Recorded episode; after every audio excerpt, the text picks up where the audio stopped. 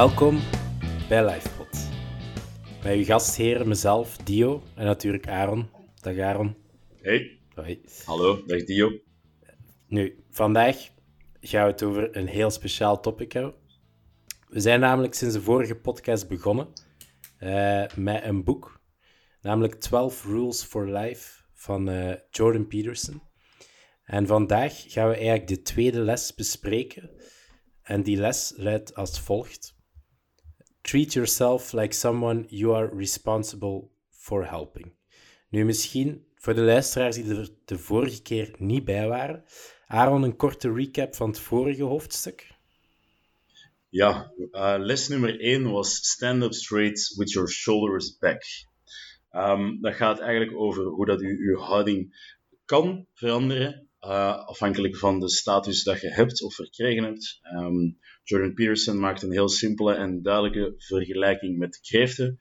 Als twee kreeften gaan vechten, de winnaar gaat door zijn hormonen, de serotine, gaat hij zijn schouders naar, naar achteren trekken, gaat hij veel rechter staan, al is die misschien in evenveel pijn als de verliezer.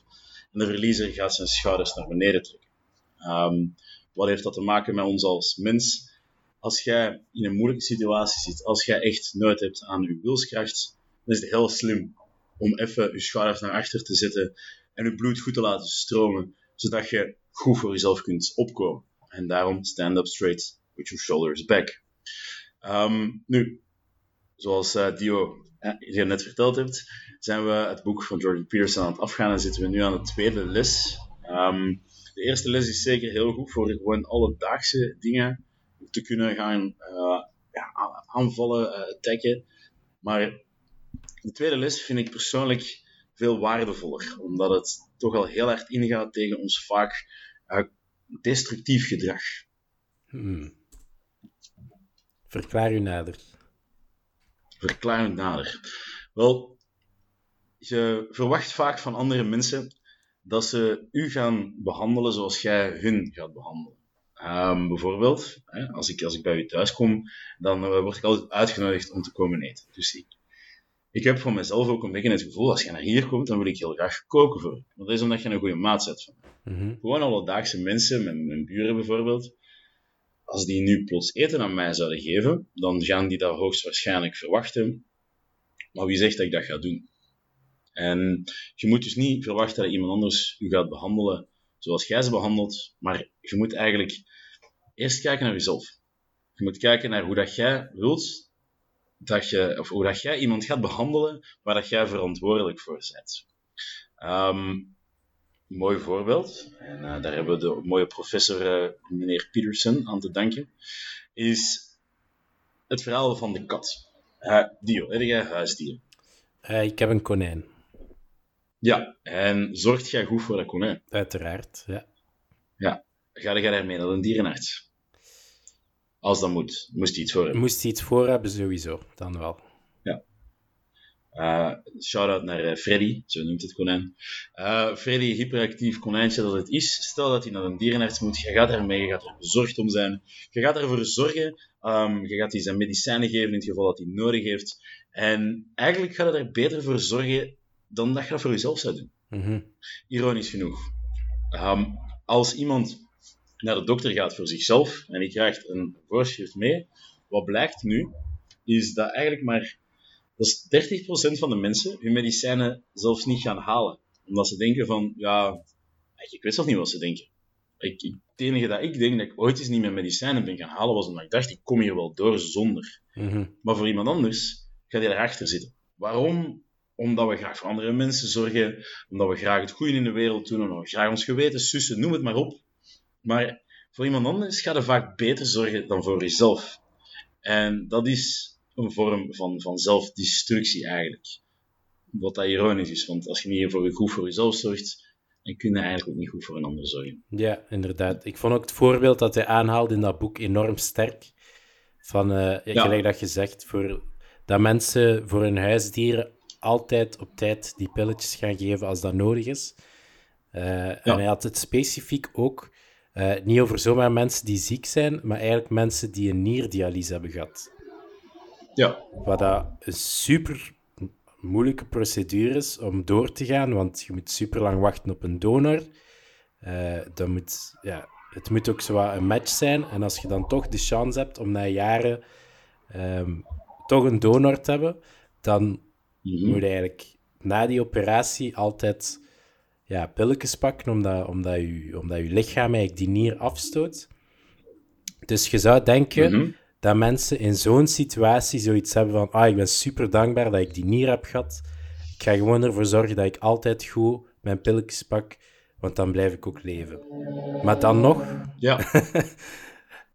hebben we als mens blijkbaar de neiging om ja, dat soort dingen gewoon te vergeten. Voor onszelf dan, terwijl dat voor een huisdier is dat geen probleem.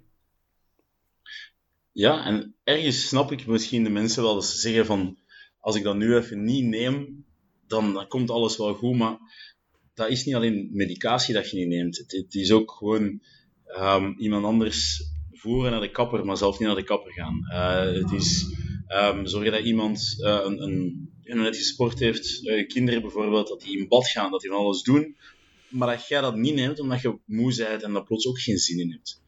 En doordat je dat niet doet, en eigenlijk vergeet om even te, kijken naar jezelf, ga dat op lange termijn extreem ongelukkig worden.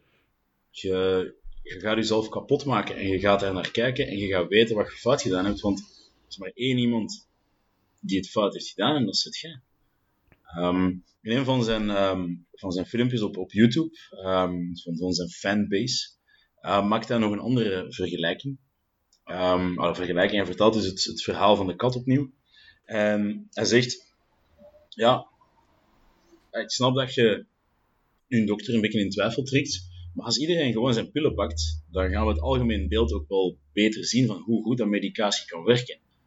Um, en als je dan toch een dokter in twijfel trekt, ja, dan trekt je misschien beter ook gewoon een dierenarts meteen ook in twijfel. Als je dan toch je pillen aan je dierenarts gaat geven. Ja. Maar al wel, als je wilt leren uit je fouten, dan moet je eerst en vooral naar jezelf kijken. En een van die fouten is, als je niet zorgt voor jezelf, dan kun je ook niet zorgen voor een ander. Ja, inderdaad. En dat is eigenlijk een beetje het hele hoofdstuk. Zij die, die de case maakt um, voor treat yourself like someone you are responsible for helping. Um, Eigenlijk, vind je niet dat dat een beetje chaotisch klinkt? Chaotisch? Niet voor jezelf zorgen, maar wel voor iemand anders? Dat, is toch complete, uh, complete onzin? Nonsens? Um, ja, nonsens. Het, het, is, het is eigenlijk makkelijk hè, om, om, als je een externe verplichting hebt, je hebt altijd iets extern waar je verantwoordelijk houdt. Dus het vraagt veel minder discipline en focus om zoiets dan gedaan te krijgen. Uh, dus ja, ik vind dat eigenlijk wel logisch. Toch? Ja. Ja, het, klinkt logisch. Het klinkt heel logisch. Ik denk dat jij bijvoorbeeld dat het ook logischer is dat jij dat zegt, hè, met, met je sportritme. Um, we waren nou over laatst aan het bellen en je zei van eigenlijk nu met de lockdown, want de lockdown is nog altijd grotendeels bezig, of dat zou het gaat weggaan, dat zullen we wel zien. Maar je zei van, eigenlijk vind ik het heel normaal of heel makkelijk nu om een ritme aan te houden. Mhm. En dat is meer dan alleen dat ritme. Je toont van, ik zorg voor mezelf zoals ik voor iemand zou zorgen waar ik verantwoordelijk voor ben. Ja, allee. Eigenlijk zet jij de poster child voor dit hoofdstuk. uh, Oké, dat is een mooi compliment. Ik doe mijn best alleszins. Of dat, dat echt waar is. Belangrijkste. Uh, Wie zei je, moddervet, weeg je 250 kilo. Ja. oh, ik wil dat zien. Je ziet dat natuurlijk niet, hè, nu dat we van op afstand podcasten. Je weet eigenlijk niet wat er echt aan het gebeuren is. Hè? Weet je wat, dit gaat erg klinken als goede vriend, hè, maar ik hoop dat je hem 250 kilo weegt. Met zo'n vijf dubbele kin waar ik zo niet kan uitmaken, waar je schouders en je nek beginnen. Zo. uh, nee, dat gaat, uh, dat gaat nooit gebeuren. Um, nu, in dat hoofdstuk, zoals ik al zei, maakt eigenlijk de case voor die statement. Je moet jezelf behandelen als iemand waar dat jij voor moet zorgen. Uh, En wat ik heel cool vind, uh, voor mensen die Jordan Peterson ook al wel volgen, is dat hij vaak teruggrijpt naar verhalen die heel vaak opnieuw verteld worden, gewoon in het menselijk bestaan. Dus dat kan iets zijn zoals een sprookje, Pinocchio bijvoorbeeld, uh, maar wat, dat, wat dat hij ook vaak gebruikt, is eigenlijk de Bijbel. Uh, en zegt van, kijk, de reden dat dat zo'n belangrijk document is, is omdat dat een verhaal is dat duizenden jaren opnieuw verteld wordt. Uh, en dat is eigenlijk omdat wij als mens daar toch wel iets uithalen wat dat belangrijk is voor ons bestaan. Uh, dus het is geen pleit aan iedereen om christelijk te worden, maar gewoon om wel de waarde te zien van uh, eigenlijk ja, verhalen die, die, die ons doorgegeven zijn. Net zoals Griekse mm mythes, uh, of noem maar op. Um, ja, wat, wat, is, wat vindt hij nu zo belangrijk aan, aan een verhaal? Um, hoe bedoel je? Volgens u. Ah, wel, omdat je bezig waart over zijn, zijn reeks dat hij heeft gemaakt over uh, de, de Biblical Series. Um, daar gaat hij heel hard in op het verhaal van de Bijbel. Maar de reden dat hij daarvoor is gekozen is omdat de Bijbel is eigenlijk één groot verhaal dat bestaat uit verschillende verhalen die elk een bepaalde les dragen of een bepaalde norm of een waarde die onze maatschappij heeft gemaakt tot wat we vandaag kennen. Um, met natuurlijk een beetje verlichting erbij, hè, dat we wat verder kijken dan onze neus lang is, dat we niet altijd geloven in het, in het, uh, het groter zijn, maar af en toe eens naar onszelf kijken. Mm um, houdt voor de mensen die geïnteresseerd zijn. Er staan een paar film, films, want het zijn echt wel dingen van twee uur en een chic, over zijn bijbelse um, analyse uh, op YouTube, zoals ik zei. Um, maar je zei dat verhaal, en ik vind het heel interessant bij Pinocchio, en of dat je nu Harry Potter pakt, of dat je nu de Bijbel neemt, er gaan altijd een paar gelijkaardige stukken in zitten. Um, mensen beginnen heel simpel. Het beste voorbeeld vond ik dat, ik dat ik gelezen heb van hem is de Hobbit. Mhm. mensen beginnen op een heel simpele manier. De hobbits, ze leven alsof er niks aan de hand is. Ze... Amai, gezondheid. Ja, sorry. Ik Is alles in orde? Staat uw keel er nog? Ja, ja, ja. Ik moest gewoon even hoesten. Mijn oren. Um, ja, dus de hobbits leven alsof dat er niks aan de hand is in de wereld. Terwijl Middle-earth eigenlijk bijna op het punt van, van wereldoorlog staat. Uh, en geleidelijk aan vallen ze in de avontuur. De wereld is groter dan wat ze zijn, zelfs zijn ze maar een meter groot. En moeten ze leren om, om om te gaan met ja, nieuwe, uh, avontuurlijke aspecten van, van het leven, maar die ook gevaarlijk zijn. Dus ze moeten dingen gaan doen dat ze nooit gedaan hebben. Dat is risico's nemen, dat is buiten de lijnen stappen, dat regels breken, om zo uiteindelijk een goede mens te worden. En of dat je nu naar de Bijbel kijkt, of naar Harry Potter, of naar de Hobbit, of naar de Matrix, elke goede persoon waar jij je mee hebt ingeleefd, heeft dat moeten doen. Mhm. Ja, maar ik ben een beetje aan het afwijken. Gedio, ik, ik, heb het gevoel dat jij ons iets gaat vertellen over chaos en orde. Ja, klopt. Dus, uh, ja, mijn excuses. Ik ga eigenlijk in drie puntjes uh, proberen uit te leggen wat dat hij in heel dat, dat hoofdstuk heeft verteld.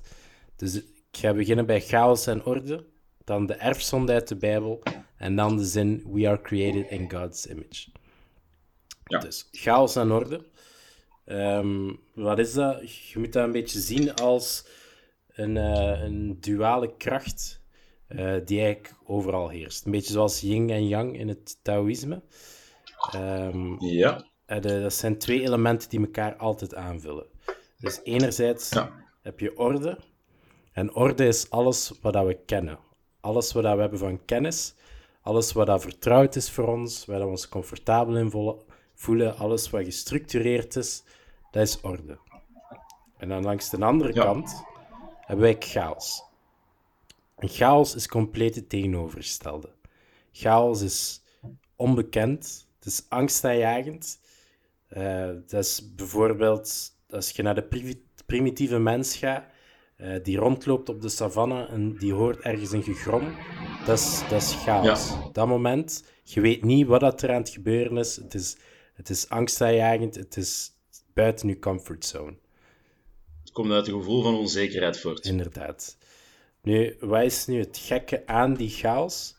Is alles wat voor ons orde is, dus alles wat gekend is, alles wat wij van kennis hebben, was ooit chaos. Dus dat klinkt misschien een mhm. beetje vaag, maar het is heel logisch. Hè? Vooraleer dat we snapten wat zwaartekracht was, snapten we het niet. En iemand is dapper geweest en die heeft de zet gezet, die is beginnen onderzoeken. En die heeft uit die chaos eigenlijk orde gecreëerd en daarom snappen wij hoe dat heel dat systeem werkt. daar ga ik u toch even uw, uw zin. Ik weet wat je wilt zeggen, Mhm. maar niemand heeft ooit echt onderzoek gedaan naar zwaartekracht om dat te snappen. Ze snapten wat het principe was en dan zijn ze onderzoek beginnen doen. Dus dat is een wetenschappelijk gezien een groot verschil. Wil ik even verduidelijken. En wat is het, Sorry, dat is voor mij is dat heel belangrijk. wat is het verschil? Voor mij is dat belangrijk. Het verschil is dat ze door hadden dat er, dat er constant de materie terug naar binnen viel en ze zijn een hypothese beginnen bouwen op wat dat ze merkten, hè, op wat dat ze zagen. En dan pas zijn ze onderzoek beginnen doen om die hypothese te kunnen gaan bewijzen. En niet eerst een hypothese maken en dan gaan kijken, wat vinden we daarover? Ja, dus ze zagen een fenomeen wat ze niet begrepen, de chaos, en dan hebben Ja. ze daarin van orde gemaakt. Ja, Voilà. zo is Dat het is juist. de essentie. Vervloek mij een andere dag. nee, is goed. Het is een, eh, een goede aanvulling. Mm, ja, dus zover chaos aan orde. Ik denk dat het misschien handig is om een praktisch voorbeeld te geven eh, van die chaos en orde.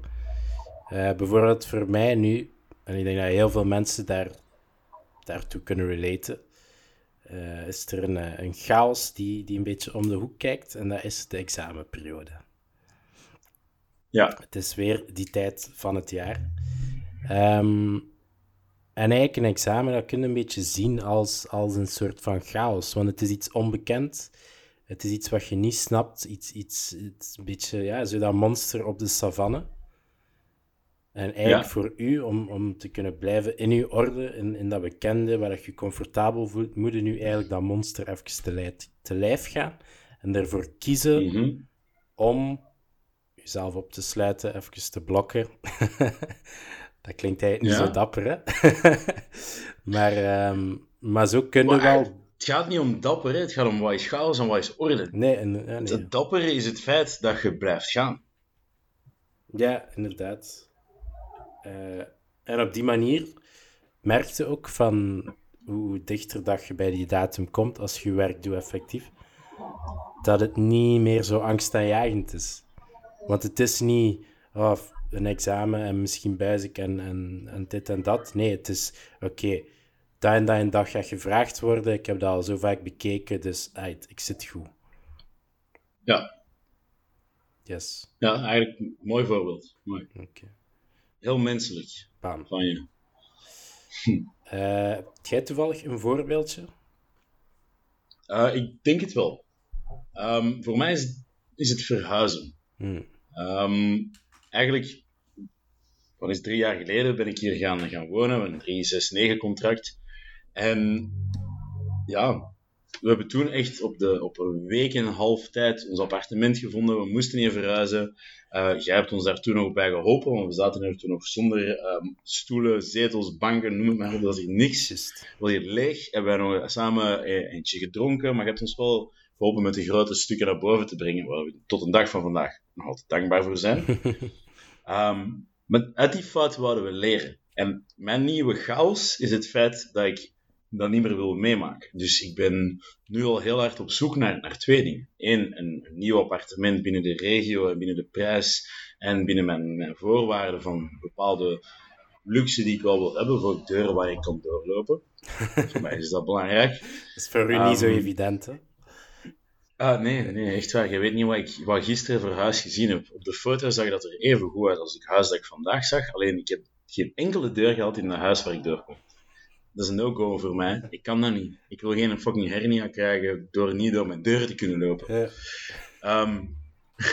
Dus, dat is de ene kant van de chaos. Maar er is nog een tweede deel van de chaos. Is, ja, ik wil ook mijn waarborg terugkrijgen. Dus ik begin nu op de details te letten van, ja, hier hebben we toch een gat. En ja, ga ik volledig de muren schilderen, dit en dat. Dus een maand geleden zat, zaten mijn huisgenoot en ik hier alle twee met handen in het haar van, dit is zo ongelooflijk veel werk. En, en al die dingen dat we hier hebben gezet en gedaan. En, oh man.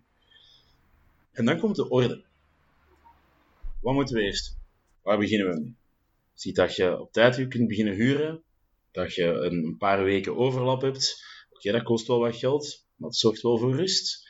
En die twee beginnen zich uit te balanceren.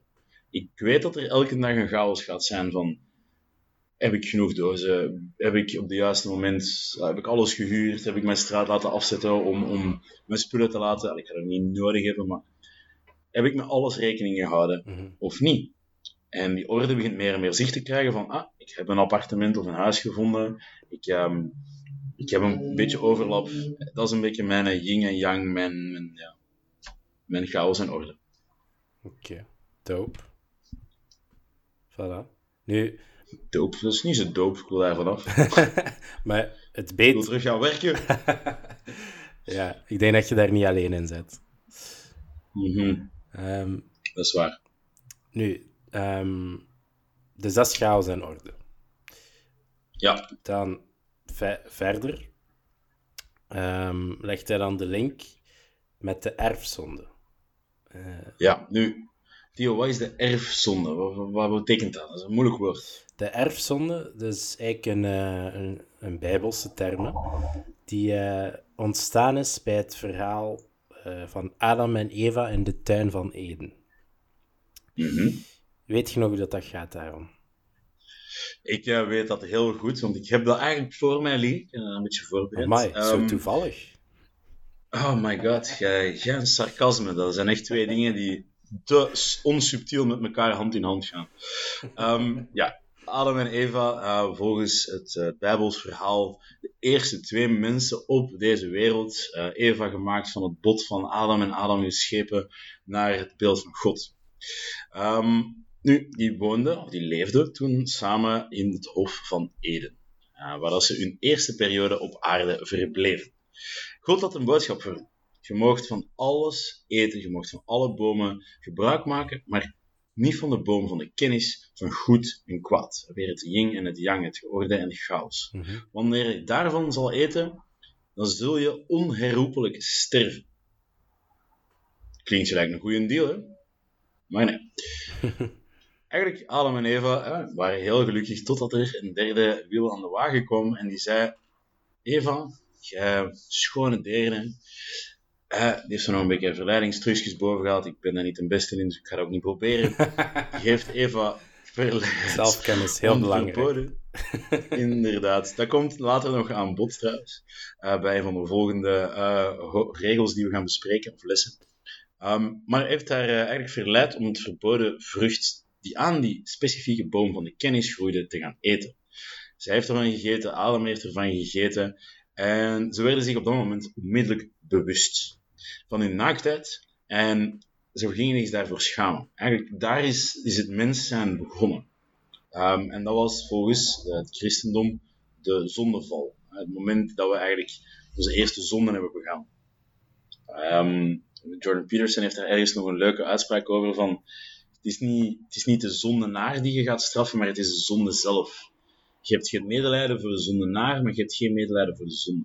Heel interessant. eh, quote van hem over, eh, op zijn podcast gemaakt door zijn dochter. Voor de mensen die interesse hebben. Echt heel interessant. Mhm. Maar over de betekenis van de boom van kennis van goed en kwaad bestaan er verschillende meningen. Ehm, degene die het meest van toepassing hier is, door het eten van de vrucht van de boom, zouden zowel Adam en Eva proefondervindelijk kennis van goed en kwaad hebben geleerd.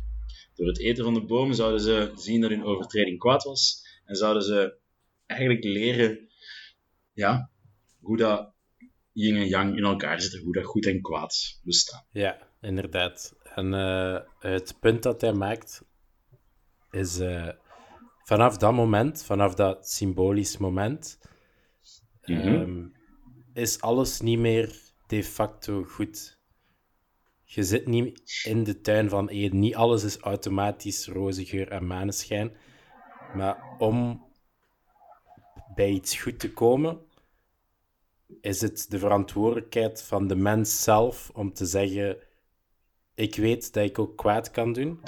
Ik weet dat Mhm. ik pijn kan veroorzaken. Ik weet dat ik mensen kan kwetsen. Maar ik ga ervoor kiezen en ik ga mijn verantwoordelijkheid oppakken. Ik ga ervoor kiezen om goed te zijn. Ja, ja.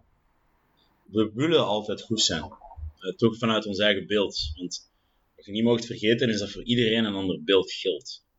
Hm. Ehm, en dat maakt het ook zo moeilijk om tussen mensen samen te gaan werken. Hm. Ehm, plus dan nog een bijkomend feit. niet iedereen, nee, bijna niemand gewoon, wordt gestraft volwaardig naar de, de, de feiten die hij heeft gepleegd. Hmm. Moest dat zijn? Moest ik gestraft worden voor de zonde die, die ik gedaan heb? Moest jij gestraft worden voor de zonde die jij gedaan hebt? Moest uw ouders, mijn grootouders, mijn familie... Niemand van ons zou nog leven. De straf zou zo immens groot zijn. Ja, natuurlijk moesten we anders gestraft worden, alles zou veranderen, je mocht niet in het verleden kijken en zo, al die en bla bla, maar we worden er ook niet volledig naar gestraft. We weten dat het bestaat. We weten dat yin en yang bestaat en dat yin een beetje van yang heeft en dat yang een beetje van yin heeft. Hmm. Ehm, ja, je moet proberen gewoon de beste versie van jezelf te zijn. En ik denk dat God daar iets mee te maken heeft. In welke zin dan? Wel, we are created in God's image, zegt Jordan Peterson. Ja, ja dat zegt hij inderdaad. Uh, waarmee dat hij... Wat heb jij daarover te zeggen? Uh, wel, ik denk...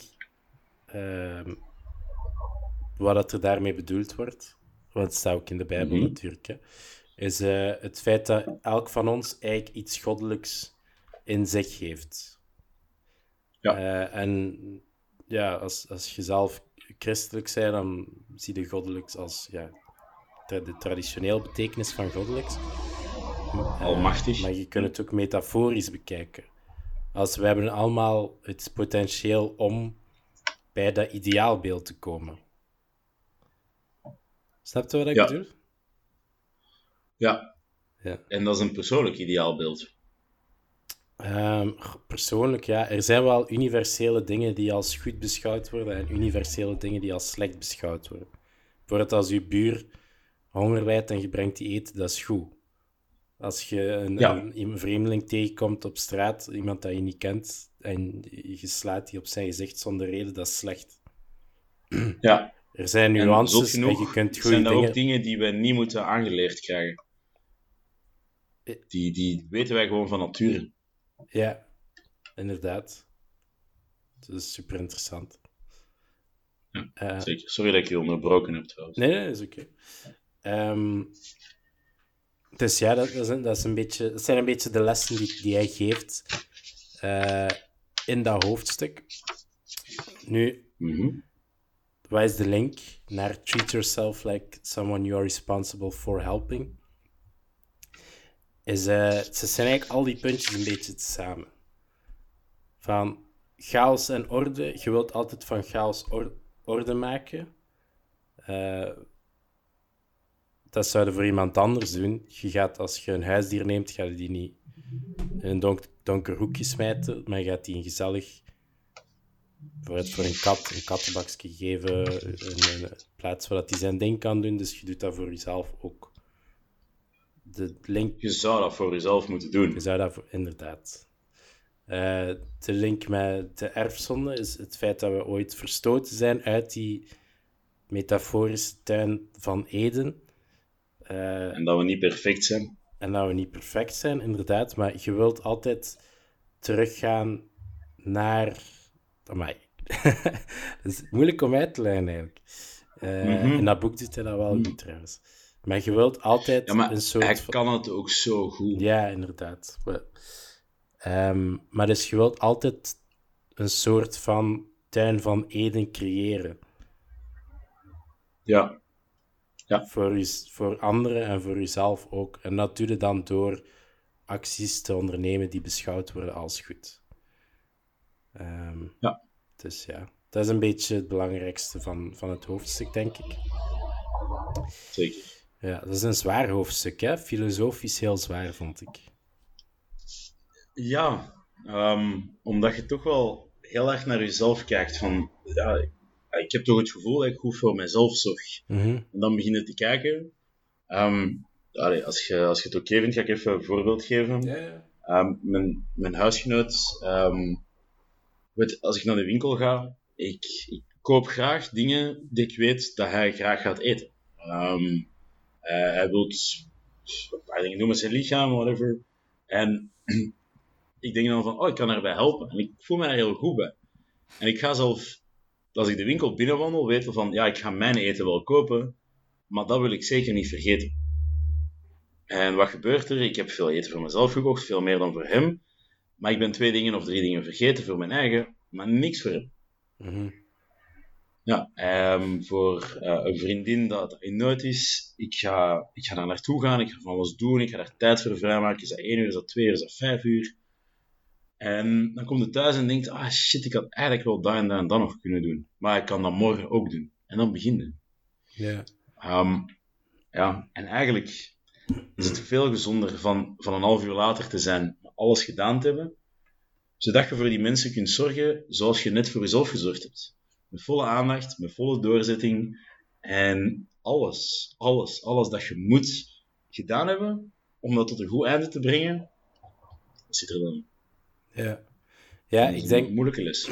ik denk ook dat dat ehm, specifiek misschien voor u ook echt, echt een is die, eh, die aanslaat. Want ik weet, allee, Mm. ik weet wel dat jij. Ik ken u wel als iemand die, die altijd voor een ander heel snel klaar gaat staan en zo gaat springen om te helpen. maar die zo zichzelf zo soms wel wat tekort doet op die manier. Gaat ook niet voor niets, denk ik, de bijnaam Teddy Issues. Ja. Wel, we gaan maar niet over u een bijnaam hebben, maar eh, ja. Maar wat was dat nu weer? Uw bijnaam? Dat was een of andere mythisch Het is figuur. oké, we laten het achter ons. Mm, mm, nee, ik vind dat je het zelf moet zeggen. Eh, nee, echt zelf niet zeggen. Dio, denk ik. Gewoon mijn voornaam als het. Nee, nee, het was... Oh, goh, Black... Black something? Hmm, Hmm. hmm. En je kunt mij nu niet laten hangen, of ik ga echt gewoon volledig verkeerd overkomen. Allee, jij, jij wilt toch niet zelf volledig overkomen, Dio? And treat yourself like yeah, you would treat something, someone you're responsible for. help. Jij bent verantwoordelijk voor mij, of dat je het nu wilt of niet. Oké. Help me. Het was Black Dynamite. Ah, loser. Uh, denk je, trouwens, epische figuur. Maar eh, nee, wat je daar zegt is, eh, is volledig waar. Eh, dat heeft, hebben honderden mensen mij al verteld. En ik probeer nu voor mezelf te zorgen zoals ik voor anderen zorg. Maar ja, voordat je het weet, loop ik met een chihuahua rond. Dus eh, dat, is, dat is moeilijk. De, de Chihuahua. Van waar dit plotse Chihuahua in uw verhaal? Ja, het, het beeld dat ik daarmee wil scheppen is mensen die heel veel voor zichzelf zorgen. Mhm. Ehm, in mijn hoofd, het eerste dat opkomt, zijn zo van die dames die, ja, die heel hard verzorgen. De nageltjes, het haar, het botox, de, you know, die, die lijken 30 als ze eigenlijk bijna 80 zijn. En die hebben ook allemaal een chihuahua. Vandaar dat ik die vergelijking maak. Ah, ik ben mezelf echt geen, geen waarde, meerwaarde aan het geven aan dit, Heel- aan dit gesprek. Een heel grappig beeld om te schetsen van iemand die voor, veel voor zichzelf zorgt. Maar het is... eh, Ja. Zolang dat je maar niet inbeeldt dat ik mijn nagels lakjes dan. eh, ik, eh, Maar ik heb, ik heb eigenlijk nog, voordat we beginnen, of we eindigen met onze prachtige quote, mhm. heb ik nog een vraag voor u. Ja? Wanneer heb je zegt van, eh, je zorgt voor iemand anders zoals je zorgt voor, of je zorgt voor jezelf zoals je, je zou zorgen voor iemand waar je verantwoordelijk voor bent, maar heb jij soms ook niet het gevoel dat het bij jezelf snel genoeg is? Ik kan, ik kan heel hard genieten van 's ochtends een douche te pakken, Mhm. maar echt een goede douche. Hè, nageltjes knippen, goed mijn tanden poetsen, baard scheren. Er echt mijn tijd in steken. Mhm. En voor mij is dat dan eigenlijk genoeg. Ik kan daar een hele dag lang mijn energie uithalen. Terwijl ik naar mensen luister, hun help mijn problemen, advies geef, mijn werk doe, mijn administratie. Allemaal niet erg. Ik ga veel meer mensen geholpen hebben dan dat ik mezelf ga geholpen hebben, maar ik heb zelf ook niet meer nodig. Ik ben gelukkig met iets kleins. Ja. Bij... Ja. Dus je bedoelt dat je voor jezelf minder weglegt dan voor anderen en dat dat genoeg is? Ja, het hoeft niet. Het is niet speciaal dat ik minder wegleg, het is dat ik niet meer hoef te hebben. Ja. Ehm, En die keuze maak ik dan ook zelf. ja. En mocht je nu jezelf in derde persoon zien en je zou denken, ik, ik- dat, dat is iemand waar ik voor zorg. En je geeft Ja. u, wat was die douche en die tas koffie 's ochtends, zoiets was. Ja? Zou je dan goed genoeg voor die persoon gezorgd hebben? Nee, Nee. nee. Nee, Goeie vraag. Ja. Goeie vraag, absoluut niet. En ik denk dat dat is wat dat hij bedoelt. En het is, er is nog een verschil met... Want jezelf verwennen is ook niet... Als je een kind hebt en je verwent die, dan heb je er ook niet per se goed voor gezorgd. Hè. Ik denk, het gaat, Nee, het gaat iets nee. dieper dan dat. Ja, want je wil dat je, dat je kind sterk, is, sterk genoeg is om de, de shit van de wereld aan te kunnen. Ehm, Ja, inderdaad. Je wilt Ja. hem zowel een goede thuis geven als soms pushen om, om obstakels te tackelen. En, en ja, het is zo ja, heel je wilt hem sterk, sterk, maar goed maken, maar niet gefrustreerd en slecht maken. En sommige mensen, wat was het weer dat hij zei? Ehm, als jij je kind te veel beschermt, dan moet jij je kind eigenlijk gaan beschermen voor jezelf. Ja, ja, ja, juist. Want dan zet jij eigenlijk... Dat, Dan is, ja, zet jij ja, die gaat, kind... er, gaat er ook niet te ver in. Ja, Ja. ja. Maar als je daar te ver in gaat, dan, dan krijg je mensen met, met daddy of mommy issues. En dan heb ik het niet over van, oh, ik ik ben een keer graag wat ruiger of zo. Nee, nee, dan heb ik het echt over mensen die hun leven volledig bepaald is door wat hun, hun ouders met hun hebben uitgestoken. Ja, inderdaad. Die zo het huis uitkomen en, en bang zijn van alles, omdat ze nooit de kans hebben gehad om eigenlijk iets te verkennen. En 9 op 10, ja oké, hier, hier ga ik te ver mee uitwijken, ga ik de verkeerde boodschap mee geven, maar die balans zoeken is heel moeilijk. En ik denk dat je dat makkelijk, makkelijker kunt krijgen als je ook naar de rest van de community of de gemeenschap gaat kijken. Mhm, Ehm, maar al bij al, ja, zorg voor jezelf zoals je voor een ander zorgt. Inderdaad. En Dio, jij hebt toch wel zeker geen prachtige quote voorbereid. Ja. Eh, ik dacht, ik hou het luchtig. Hè? We hebben heel theoretische, filosofische materie besproken. Eh, soms al Mhm. iets vloeiender. Het ene moment al iets vloeiender dan het andere, maar bon. Ehm, maar daarom gewoon een simpele quote van Mahatma Gandhi. Eh, en die zegt... You must be the change you wish to see in the world. Bam. Bam. En die is zo simpel en zo tegenstrijdig met een titel, maar ook weer niet. Mhm, dat ik hem, dat ik hem wel passend vind. Inderdaad. Ik denk dat dat niet veel aanvulling meer nodig heeft. Dus om die Nee. reden, Aaron, wil ik u graag bedanken voor alweer een heel fijne podcast. Zeker en vast, maatje. En voor de luisteraar, tot de volgende keer. Tot de volgende en hoofdstuk 3, here we come.